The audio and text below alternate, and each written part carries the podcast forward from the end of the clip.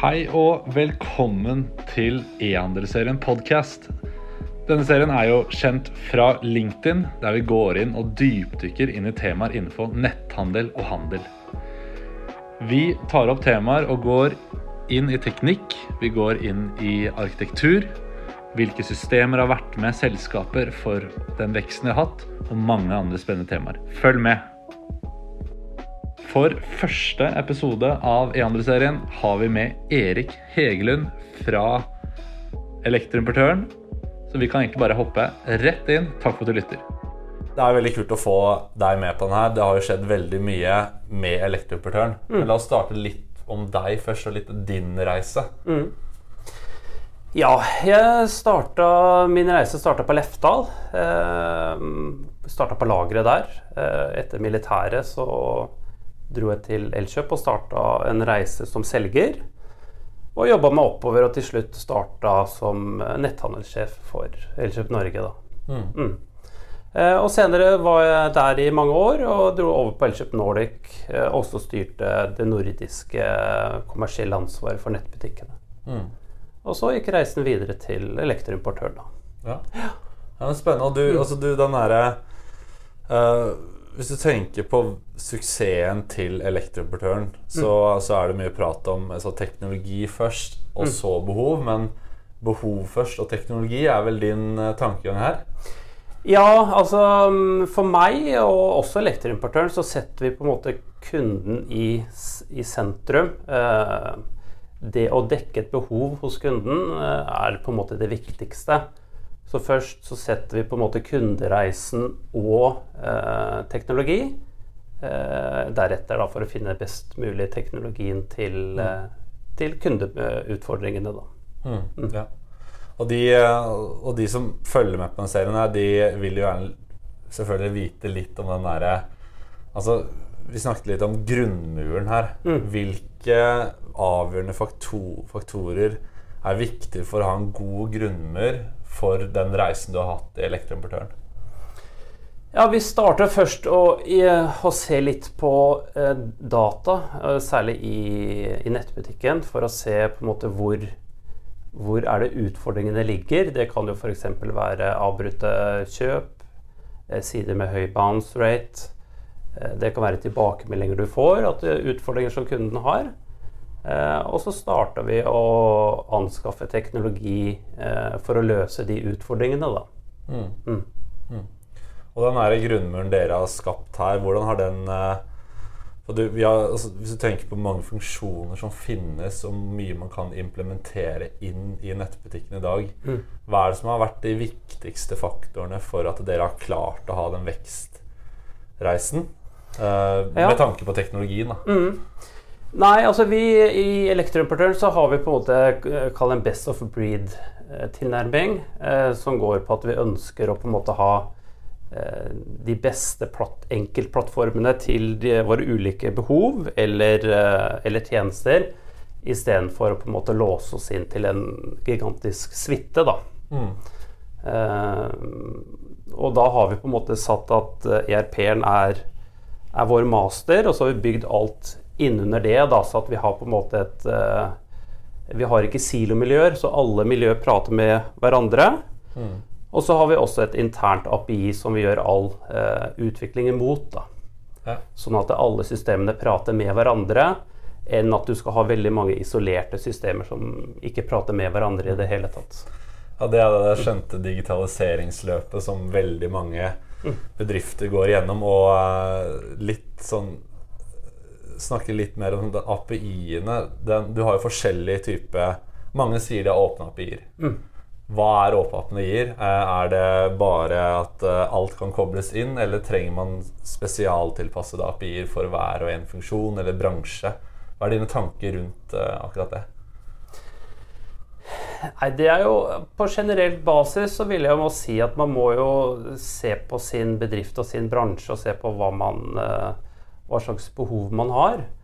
Eh, For vår del så nyttiggjør det API at det på en måte er selve navet som eh, gjør at vi kan knytte opp all data eh, eller alle punkter eller plattformer med hverandre.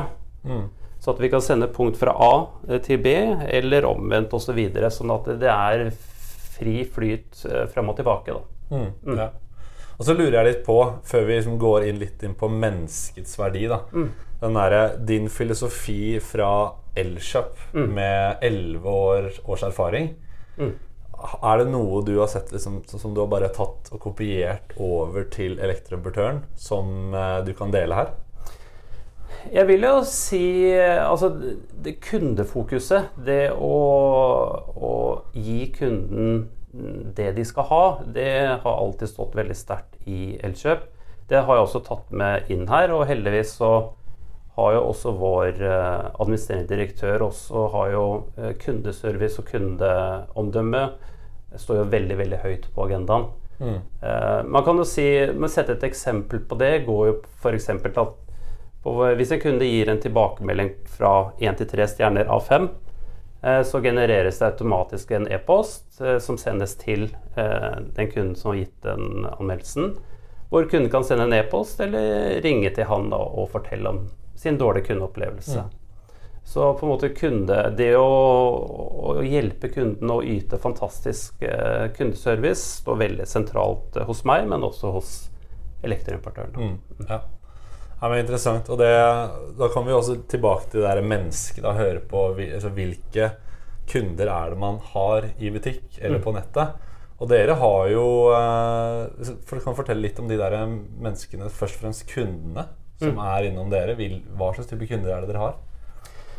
Ja, vi har jo privatkunder, som er på en måte helt en vanlig mann i gata. Du har de som på en måte er eh, eh, hobbyoppussere, som det finnes ganske mange av i Norge.